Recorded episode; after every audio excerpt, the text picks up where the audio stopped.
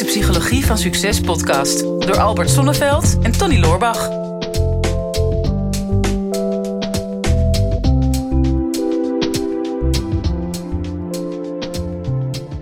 Wat krijgen we toch altijd een heleboel eh, bijzondere vragen, Tony. Ja. En, ehm, ja, en ik dacht dat we deze vraag ooit al een keer behandeld hebben, maar dat bleek niet zo te zijn. We zijn door het hele archief gegaan van iets van 120 podcasts. Mhm. Maar we hebben het nog nooit ooit gehad over grenzen aangeven. Nee. En ga nu niet zeggen dat je dat gaat doen op dit moment. ja, tot hier en niet verder. Ja. Hier wil ik het niet over hebben. Ja, Nee. ja dus dat, had je al voorbereid dat ik dat zou gaan zeggen. Ja, ik, Ik denk dat wij een beetje iets te veel op elkaar ingespeeld hebben. Ja, dat zou zomaar kunnen. Ja. Maar gelukkig laten we ons daar niet door uit het veld slaan. En eh, Nee. ja, we hebben zelfs vragenstellers, hè? Wij hebben er eh, drie. Ja, wij zijn best wel grenzeloze types natuurlijk. Ja. Daar hebben we het hier nooit over gehad. Nee, nee. Ja, nee, we hebben van eh, zowel Rick als van Koen als van Nanxia eh, een vraag ehm, over grenzen. Ehm, die van Rick is eigenlijk het kort. Hè. Hoe stel ik goed en duidelijk mijn grenzen? Hoe geef ik duidelijk en helder mijn grenzen aan aan anderen? Er zit natuurlijk een hele hoop context bij. Alleen ik denk dat het onderwerp wel voor zich spreekt. Ja, En dat we wel een paar verschillende aspecten gaan pakken. Ja, lijkt me, lijkt me leuk. Ja, sowieso. Het is natuurlijk wel heel veel, ook in onze cultuur, ehm, ja, gericht op geef je wel genoeg je grenzen aan. En ik heb zelf in het verleden ook de nodige assertiviteitscursussen ge- gegeven. ik weet dat een van de grootste opleidingsinstituten in Nederland, eh, de founder daarvan, Jan Schouten, die is eh, ooit begonnen met een assertiviteitscursus. Ja. En dat was nog in de tijd van grammofoonplaten. Ehm, en dat werd dan bij Teliac uitgezonden. En dan kan ik me nog herinneren dat. Nou, er is nog wel een heel grappig stukje over. van dat je dan moest leren om nee te zeggen. Mhm. Dan kreeg je bijvoorbeeld. Ja, u zit in een restaurant en u krijgt een koude gehaktbal. Wat doet u? en dan kwam er zo'n pauzemuziekje. En dan had je tijd om in te vullen. Ja. En dan ja, was dus de bedoeling dat je zei... Ehm, nou, deze gehaktbal is koud, die wil ik, eh, ik wil graag een andere. Mhm nou is dat een heel simpel voorbeeld, maar zelfs dat is voor sommige mensen al heel moeilijk. En ik merkte bij mezelf ook dat ik ja, soms in een restaurant zat en had ik gegeten en denk, ja, vind ik dat eigenlijk wel lekker? Mhm. En dan komt er natuurlijk iemand uit de bediening en eh, smaakt het allemaal? En dan had ik al ja gezegd voordat ik überhaupt maar Mhm. kon antwoorden van, ja, nee, sorry, eigenlijk niet. Of viel me een beetje tegen. Ja. Ehm, ja, zit wel een beetje in mijn karakter, eerlijk Ja. gezegd. Nou, ik- denk ook wel dat, dat grenzen aangeven, dat je er pas over na gaat denken als er al iemand over jouw grens is gegaan. Ja, Het is volgens mij zelden tot nooit dat je vooraf al weet van waar ligt mijn grens. En zodra iemand daar overheen gaat, de eerste keer ga ik daar meteen iets van zeggen. Ja. Dus meestal pas achteraf. Ja, nou ja, ik had zelfs een, een, een cliënt ooit in mijn praktijk die zei van... ja, ik vind het eigenlijk helemaal niet erg om een deurmat te zijn... als ze hun voeten maar niet op me afvegen. Oké. een van de eerste dingen die ik zei... kom onder die deur vandaan, man. dat is wel heel ernstig. Ja. Nou ja, het is natuurlijk wel... Het is een hele dunne lijn tussen... ja, wanneer ben je nou assertief? En dan ben je eigenlijk wel gericht op... ja, een, een evenwichtige relatie met de ander... Eh, of dat nou je collega is, of je leidinggevende, of eh, je partner, of je kinderen. En wanneer word je nou agressief? Hè? Want bij agressief ben je vooral gericht op jezelf. Hè? Dan wil je winnen. Zeg je van ja, hey, ik ga eens even zorgen of ik eh, voordeel kan halen uit deze situatie. Door iedere gehaktbal terug te sturen, bij wijze. Ja. Totdat je er meer dan genoeg hebt opgegeten. En dan er niet voor hoeft te betalen. Of ja, ben je wel vooral assertief, waarbij je wel je grenzen aan kunt geven, maar wel de relatie voorop stelt. Dat is wel een dingetje. ja, wat denk je dat het altijd met assertiviteit te maken heeft? Grenzen aangeven? Ja, het is natuurlijk een woord wat daarbij hoort. En eh, we leren dan nee zeggen. En ik heb volgens mij ooit wel eens een keer in een podcast gezegd van ja, het gaat niet zozeer over nee zeggen. Het gaat vooral veel meer over ja zeggen tegen jezelf. Maar dan moet je wel eerst weten, wie is jezelf? En wat zijn dan jouw waarden? Van waaruit zeg je eigenlijk ja? En waar wil je dan wel concessies aan doen en waar niet? Maar ja, Ja. in iedere vorm van een relatie wordt die grenzen opgezocht. Of je bent heel plezierig en vindt het heerlijk om de ander helemaal in de watten te leggen... in de hoop dat die ander bij je blijft. Kansloos. Werkt dat niet? Nee, ja, dat is een Kom je na bodemloze, 34 jaar is dit een inzicht voor mij. deze bodemloze put, Tony. Want ja, waar ligt dan de grens? Op een gegeven moment ga je steeds meer uitsloven, maar er zit een angst onder. Hè? De angst. Angst om afgewezen te worden, angst om er niet bij te horen, angst om niet geliefd te zijn. Ja, en als je dingen vanuit een angst doet, dan weet je al van tevoren, ja, dat doe je vanuit een bepaalde kramp. En dan krijg je altijd precies het tegenovergestelde wat je graag zou willen hebben. Dus Ja. Ehm, ja, en die ander, ja, die vindt in eerste instantie, nou, dat hoef je niet voor mij te doen. Maar ja, op een gegeven moment denk ik, nou, dat is wel eh, makkelijk. En ja, die gaat steeds meer in die rol van de ontvanger zitten en de ander steeds meer in de rol van gever. En ergens gaat het wringen of je kunt het niet meer ontvangen. Dat heb ik ook wel meegemaakt in een relatie, dat ik vanuit een angst te veel ging geven en zeg, ja, maar ik heb het gevoel als ik helemaal word overladen en dan stik ik als het ware. Mhm. Of ja, je gaat gewoon, je schiet de andere kant op. Dus Mhm. die grens die kom je tegen, hoe dan ook. En dan is de vraag, wat doe je ermee? Ja, nou ja, jij zegt natuurlijk eh, heel treffend, waar, waar ligt de grens? Ja. Ik denk in, in iedere situatie, mensen hebben altijd wel een soort van uiterste grens, wat ze ook waarschijnlijk niet moeilijk vinden om, om die grens aan te geven. Het is vaak gewoon de, de eerste grens waar je al niet wil dat mensen overheen gaan, die je niet durft aan te geven, omdat die vaak nog niet pijnlijk genoeg is. Ja. En, en kijk, een gangbal terugsturen is natuurlijk een. Ja, nou ja, ik snap dat je daar ook heel erg door geraakt bent. Dat je achteraf denkt van ja, nu heb ik weer misbruik van me laten maken door weer iets vies op te eten. En ik heb er niks van gezegd. Maar weet je, kijk, als het bijvoorbeeld gewoon in communicatie gaat, of, eh, bijvoorbeeld, of bijvoorbeeld in een relatie. Eh, dat je eigenlijk al voelt van nou, iemand anders die zegt dingen tegen mij eh, of op een bepaalde manier. Of iemand anders vertoont gedrag. En eigenlijk gaat dat te ver voor mij. Of, of dat kwetst me. Of dat, of dat raakt me in zekere zin. Dan weet je al wel van nou, er is een volgend niveau. Er is een uiteindelijke grens. Als dat het raakt, dan, dan barst de bom en dan is het meteen klaar. Hè, dus Bijvoorbeeld mijn... eh, mijn, mijn partner is niet, niet leuk tegen mij, of geeft me geen complimenten, of is heel egoïstisch, of, of noem van alles en nog wat. En dan, Tegenwoordig is al gauw iemand een narcist, weet je dat? ja, ja, dat, ja, dat ja. begint een hype te worden. Ja, ja, je hebt een tulpist en een narcist. je krijgt nu allerlei variaties. weer dat narcistisch verhaal vertellen. Ja. Nee, maar hè, dus dat je bijvoorbeeld weet van nou, maar als het ooit zover komt dat, eh, dat, eh, dat hij me zou slaan, bijvoorbeeld, dat is, daar ligt de grens. Oh ja, Maar dat is natuurlijk niet de grens. tenzij je Ja, het lekker vindt. Ja, dat is ma- dat masochistische, daar gaan we een losse podcast over maken. Oké, oké, sorry. Nee, nee, nee. nee. Eh, ja, ik, ik, ik zit nu heel erg op het randje om mijn grens aan te geven. ik denk, Tot ik denk hier en niet verder. Ik ga jou echt zo ver eh, zeg maar uit je comfortzone halen dat je zegt: Albert, nou ben ik het helemaal zat. Ja, waardoor, nou, ik zou sowieso denk ik niet die intonatie gebruiken. Nee. En eh, om mij aan het lachen te maken is niet mijn grens. Dus je pakt de verkeerde strategie. Nee, maar de, maar de grens ligt vaak al veel eerder eigenlijk. Hè? Dus dat je eigenlijk al wel gekwetst wordt of je bent geraakt, maar ehm, de situatie in stand houden zoals dat die is, dat brengt je blijkbaar nog iets. Ja. Dus je bent, je, meestal komt het vanuit een angst om iets kwijt te raken of angst om te verliezen, waardoor jij niet voor je mening durft op te komen. En dat kan, dat kan het ook zijn. Hè. Je grens stellen betekent ook gewoon letterlijk dat jij durft te zeggen wat jij ergens van vindt. Maar heel vaak durf je het niet te zeggen omdat je bang bent dat je de ander kwijtraakt of hè, Ja. de, de, angst, de angst voor verlies. En eh, daar, daar zit vaak een beetje de winst. Hè? Dat je bij jezelf gaat leren van ja, wie ben ik nou eigenlijk zelf? Ja. Ik las daar laatst een prachtig stuk over in eh het boek van Edith Eger, De Keuze. Mhm. Eh, Oh ja. ja. geniaal boek. Moet je, moet je- zij is een Auschwitz-overlever. En eh, dat boek gaat over haar ervaringen in Auschwitz. En daarna het tweede deel gaat over hoe ze zelf van haar eigen trauma's eh, probeert te herstellen. En het derde deel dan over hoe zij anderen daarmee helpt. Geniaal boek. En daar stond een heel stuk in. En dat ging over dat ehm, zeg maar de behoefte aan goedkeuring van buitenaf... is de grootste vijand van jouw zelfactualisatie.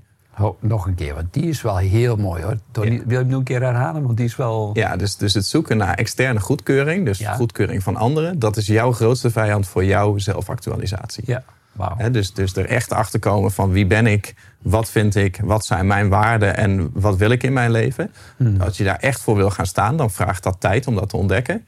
Maar vaak komt dat er niet van omdat je bezig bent met het zoeken naar goedkeuring van anderen. Ja. En dat is waarom je heel vaak een grens niet aan durft te geven als iemand er overheen gaat. Omdat je banger bent om die goedkeuring te verliezen of, of de status quo te verliezen, dan dat je aan je eigen waarde bouwt. Ja, ja, en je ziet dat in relaties. Ik merk dat zelf in een relatie ook. Is dat eerst, als je echt een goede relatie wil hebben, zul je dus eerst moeten zorgen voor jezelf. En van daaruit eh, de, de beweging maken naar de ander. Mhm.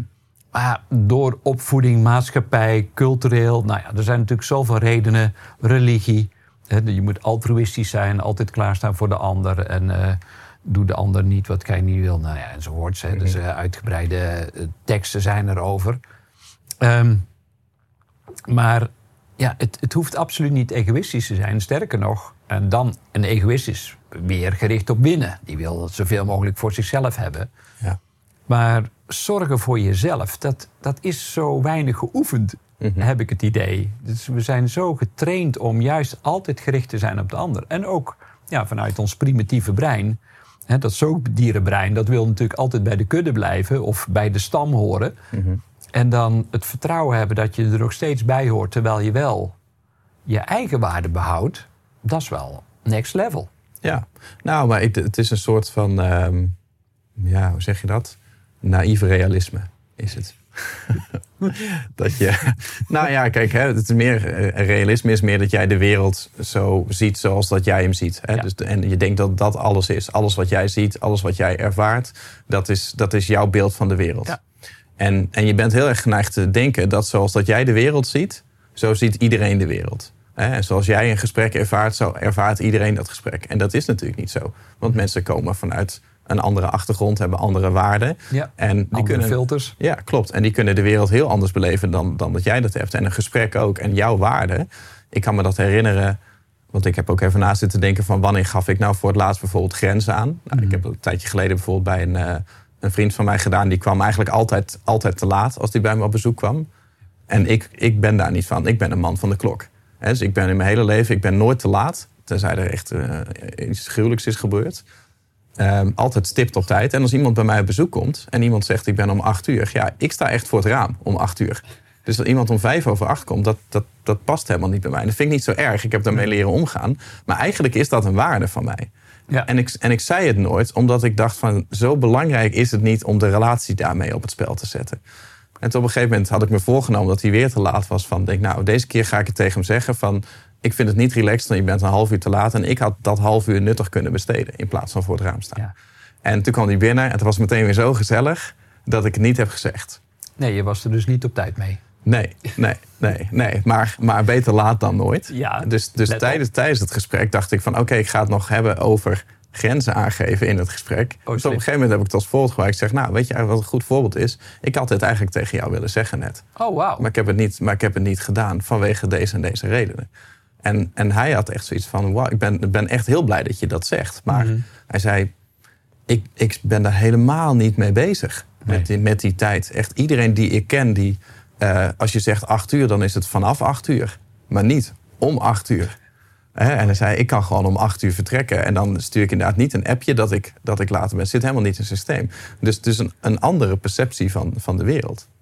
Oh, wauw. Ja, ja, dat is toch wel weer een heel mooi, eh, mooi inzicht. Ja, ik moest gelijk denken, te laat is altijd lastig natuurlijk. Zeker bij coitus interruptum. ja, dan ben je helemaal niet blij. Nou, dat was een mannelijke vriend. Oh, Oké, ja. Dus ja, dat Tony, ik weet... Kan, maar is voor mij, voor mij niet. Nee. Nee, nee, ik weet heel veel van jouw persoonlijke leven, maar ook niet alles misschien. Misschien zijn er nog een paar geheimen die de luisteraars nog niet mogen. Ja, maar kijk, het punt wat, wat, wat er een beetje bij hoort, hè, als het gaat over een ander, ander beeld. Dat, eh, ik vond het al interessant natuurlijk om te zien van oké, hij heeft dat niet zo ervaren. Ja. Ehm, maar eh, ik was geneigd om te denken dat wat ik vond, dus dat je op tijd moet komen, mijn wereldbeeld, heb ik echt heel snel aan de kant geschoven. Omdat ik dacht van ja, maar de meeste mensen zullen dat waarschijnlijk wel niet zo belangrijk vinden. Ah, ja. Anders dan gaan ze niet op deze manier met mij om. Ja, dan was je het aan het invullen. Dus- Ja, klopt. Dus, dat, en dus, dus dan gaat de zelfactualisatie sterft onder de goedkeuring van anderen. Bijna poëtisch, Tony. Ja, Nou, maar dat is denk ik wel... kom Als... daar maar eens overheen. Ja, Gisteravond heb ik dit voor de spiegel heb ik dit staan oefenen. ik dacht, ja, ik moet ook wel weer een beetje slimme dingen gaan zeggen. ja, nou ja, dat, eh, tot nu toe eh, denk ik. Maar ja, goed, eh, uiteindelijk de, de luisteraar bepaalt het en de kijker. Ja, Maar tot nu toe denk ik wel een, hele, een aantal hele belangrijke dingen gezegd. Is, is dat je altijd begint vanuit jezelf. Wat zijn mijn waarden? Hè? Wat, wat, wat is voor mij belangrijk en durf ik het te communiceren? En als ik een angst voel om te communiceren, ik zeg altijd, doe het dan toch. Doe het dan juist. Want je merkt dat de relatie daardoor alleen maar een verdieping krijgt. En krijgt hij die niet en is iemand daar gefrustreerd over dat je eerlijk bent over de dingen die jij belangrijk vindt. Ja, dan raak je die persoon kwijt. Maar ja, heb je die dan ooit gehad? Als hij niet bereid is om in eerlijkheid met jou te kunnen communiceren. Of niet Ja. zich in jou wil verplaatsen of naar jou wil luisteren. Op die manier, dan, dan is het sowieso al kansloos. Hè. Sommige mensen mag je ook verliezen, want je blijft jezelf ook persoonlijk ontwikkelen. Dus waarom zou je steeds met dezelfde mensen moeten blijven? Want misschien groei je dan niet eens meer. Mhm. Als je dan begint vanuit die waarde en vervolgens wel bereid bent om je ook in te leven in die andere. Want dat is natuurlijk ook wel wat je gemerkt hebt, is van, goh, uh, een ander zijn wereldbeeld zit compleet anders in elkaar. Laat ik me daar ook eens in verdiepen. Want Mhm. je kunt wel heel stellig zeggen van, ja, ik weet dat het zo is, maar hoe weet je dat? Dus blijf weg bij gedachten lezen. Mhm. Dat is ook veel wat mensen doen die, eh, ja, ze zullen dit of dit wel van me denken. Dus daardoor reageer ik niet. Ja, kom je er natuurlijk maar op één manier achter door ook wel duidelijk vragen te stellen. Ja. En als je eenmaal helder hebt wat je waarden zijn en je hebt geleerd om je af te stemmen op de ander, ga dan niet vanuit een emotie reageren. Want dat kan natuurlijk ook zijn, hè? Dat iemand die komt om kwart over acht bij je binnen en zegt: Ja, dat is al de zoveelste keer en ik baal ervan. huh." Terwijl ja, de echte boosheid is dus dat je misschien te lang hebt gewacht in eerdere ontmoetingen om die grens al aan te geven. Dus het is jouw frustratie en leg die niet bij een ander neer, want dan. Verkloot je als het ware direct al de relatie. Ja. Dus start wel vanuit een neutrale, emotionele houding. Ja, want dan, zou- dan zou het eigenlijk ook een aanval zijn. Hè? Ja. Als iemand binnenkomt, dan zeg ik van... ehm, jij bent te laat, dus Mm. jouw, jouw gedrag wordt niet getolereerd. Terwijl dat in zijn wereld is dat helemaal niet verkeerd gedrag. Nee. Dus het zou een heel raar gesprek zijn als ik je erop aanval van... jij moet aanpassen. En dat heb ik altijd van jou geleerd. Van dat zijn de moeilijke gesprekken. Hè? Als ik zeg van nou, ik ben boos op jou om deze reden. Of eh, dit, dit heb jij gedaan wat niet goed is en jij moet veranderen. Dan krijg je een discussie. Ja. En op het moment dat je zegt van nou, ik vind het niet prettig om, om eh, in deze situatie te zitten. Of ik vind het niet prettig hoe we met elkaar omgaan. Dus ik wil alleen maar aangeven waar ik behoefte aan heb. Ja. Dan krijg je een heel ander soort gesprek. Ja, en dat, en dat is wel voor gevorderden. Want veel mensen zijn in eerste instantie zo gefrustreerd of geïrriteerd of verdrietig of bang. dat ze dat maar laten liggen. Soms zelf de relatie compleet gaan negeren. om de confrontatie maar niet uit de weg te gaan. En die ander denkt, huh? maar ja, eh, we hebben geen ontmoeting meer. Waar, waar komt dat precies door? En dat mensen dan ook weer leugentjes om best wil gaan bedenken. Maar dan mis je echt de essentie. Want er is maar één essentie volgens mij. Je wil jezelf beter leren kennen. En je wil leren en je wil jezelf persoonlijk ontwikkelen. En dat kan toch alleen maar via de ander. Hm. Eh, je kunt je opsluiten op je zolderkamertje en zeggen van nou, ik heb de wereld niet nodig. Ehm, en dat is dan meer dan voldoende. Maar ergens ga je toch merken dat ja, de grootste groei zit hem juist in die ontmoeting op die grens. Waar je soms zelf overheen gaat of waar een ander overheen gaat. Alleen dan kun je ook het midden ontdekken. Mhm. En, dat, ja, en als je eenmaal merkt van, goh, ik, ik dreig mezelf te verliezen. Dat je als je teruggaat naar jezelf, vervolgens dat gaat communiceren, precies wat jij zegt. Begin dan met ik. Hè, ik vind het lastig, of ik vind het moeilijk, of ik merk dat ik eh, hier onzeker van word, of ik merk dat het me geraakt heeft. Of, nou, er zijn zoveel dingen die je in eerste instantie al over je gevoel kunt vertellen. Maar dan komt er nog wel een uitdagende, want vaak word je daar nog op getest ook nog. Dan denk ik, ha, ik heb eindelijk gezegd wat me dwars zit. Of eindelijk gezegd wat mijn behoefte is. Maar dan kan het zijn dat die ander nog niet in staat is om goed te luisteren. Zegt, ja, maar zo zwaar moet je het niet nemen. Of ja, dat was helemaal niet mijn bedoeling. Of, ehm, en die walst daar dan meteen overheen. En dan heb je soms in een gesprek, dan denk je... Hè, ik heb eindelijk mijn boodschap over de grens heen gebracht. Mhm. Ja. En die ander ontvangt hem niet. En dan komt er iets moeilijks bij assertiviteit is... dan zul je moeten gaan herhalen. Net zolang als een soort grammofoon... komen we toch weer bij die grammofoonplaat uit... Mhm. als een soort grammofoonplaat die in de groef blijft hangen... dat je dan eh, tegen mensen zegt... Goh, ah, dit is wat ik je graag wilde vertellen. Mhm. Is dat overgekomen? Of snap je wat ik bedoel? Of kun je daarin verplaatsen? Maar blijf dan wel checken of dat ook echt geland is. Ehm, en het gaat niet zozeer over of die ander jou begrepen hebt... maar het gaat er veel meer over dat je via die ander... extra gelegenheid krijgt om werkelijk te voelen... dat dit belangrijk voor je is. Ja. ja, ik heb het een tijdje geleden nog een keer gehad. Zal de hele situatie niet vertellen, was een beetje lang. Maar dat ehm, ik maakte een grapje in een gesprek. En mijn eh, gesprekspartner die zei van... eh, het valt me op dat jij eh, humor nog wel eens gebruikt om een gesprek af te ronden waar je niet in wil zitten. of, of, om, of om de angel uit het gesprek te halen. Denk ja, Ja. eh, humor zou een verdedigingsmechanisme kunnen zijn. Weet Ja. niet, heb ik niet zo. Dat is bij mij natuurlijk niet.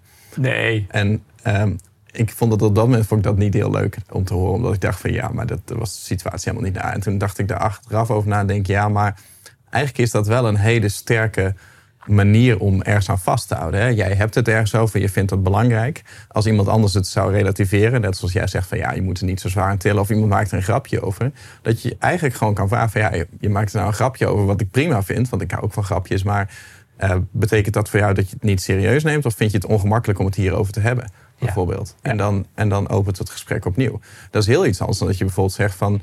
nou ja, ik vind het helemaal, helemaal niet leuk dat je hier een grap over maakt... nu ben ik boos en nou houdt het gesprek op. Of, dat je, of dat je teruggaat naar de Ja. aanval. Ja, als dan een grapje maakt en, en iemand zegt, ach moppie, weet je wat, dat wil je allemaal niet. Wil je dat niet?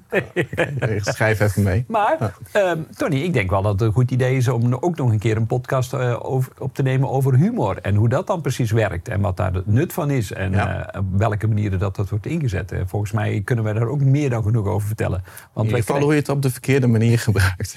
Daar kan ik wel het een en ander over vertellen. Ja, nou, dat lijkt me sowieso een, eh, een strak plan. Volgens mij hebben we toch eh, en verteld over hoe wij zelf met grenzen omgaan. eh, En eh, bovendien hebben we nog weer een paar waardevolle tips. Ja. Heb je nog een uitsmijter? Je had een beetje een, een opbouwende lijn van een paar stappen. Heb je, kan je het nog een beetje samenvatten? ja. Of stel ik nou een hele moeilijke vraag terwijl we al door de 20 minuten heen zijn? Nee, wat ik al zei, op het moment dat je geraakt voelt, eh, hè, dat je merkt, hè, het kan soms heel lang duren voordat je in de gaten hebt dat je over een grens gaat. Denk weer aan die man met die deurmat. Eh, maar op een gegeven moment moet je onder die deur vandaan komen. Dat je voelt van oké, als ik mijn eigen waarde, als ik mijn angst voor afwijzing, als ik die echt wil aanpakken, dan is er maar één manier. En dat is de confrontatie met de buitenwereld aangaan. Nou, wat is dan belangrijk voor jou? Dus ga op zoek naar jouw letterlijk en figuurlijk eigen waarde. Waar doe je geen concessies aan? Het gaat niet over te laat komen in jouw geval. Het gaat over respect. Hè, bijvoorbeeld respect voor jouw tijd, letterlijk en figuurlijk.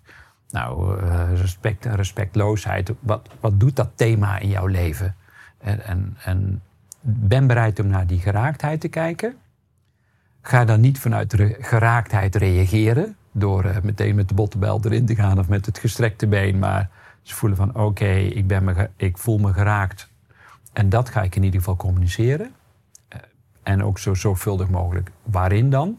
Wat jouw behoefte is in de relatie. Nou, dan check wel of je alles wat jij ziet in jouw wereldbeeld, of dat ook overeenkomt met het wereldbeeld van de ander. Want anders dan ja, ben je letterlijk en figuurlijk grenzeloos in de ruimte aan het lullen.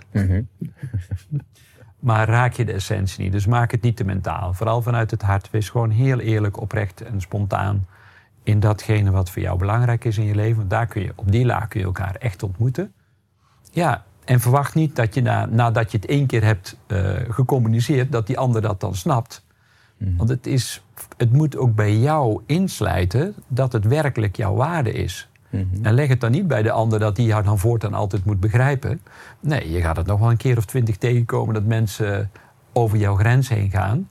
En blijf dat dan herhalen. Vanuit een rust, vanuit een zekerheid. En dat geeft vertrouwen. En uiteindelijk het resultaat is dat je groeit in eigenwaarde. En dat je veel stabieler zit in welke vorm van relatie dan ook.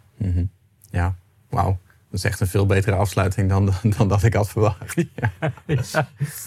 Maar ja, over de kracht van de herhaling gesproken. Ik ga toch nog even Brein TV noemen. Ja. Dat, dat noemen we eigenlijk veel te weinig. En ook wel over grenzen aangeven. Want ja, volg je onze podcast nou al een tijdje... en heb je misschien wel alle 120 afleveringen al geluisterd... ja, dan gaan wij nu natuurlijk wel een beetje de grens aangeven. Dus het, tot hier en niet verder. Het gratis luisteren, want dan wordt het tijd voor een volgende stap.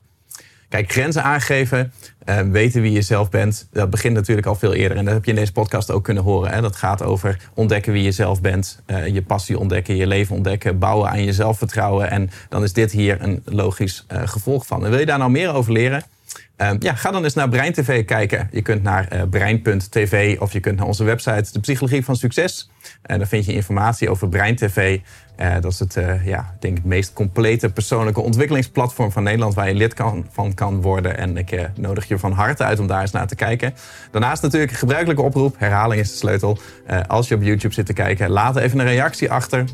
Wat je van deze podcast vond, heb je er inzichten uitgehaald, heb je leuke tips. En vergeet ook zeker niet even op het duimpje te klikken als je de podcast leuk vond.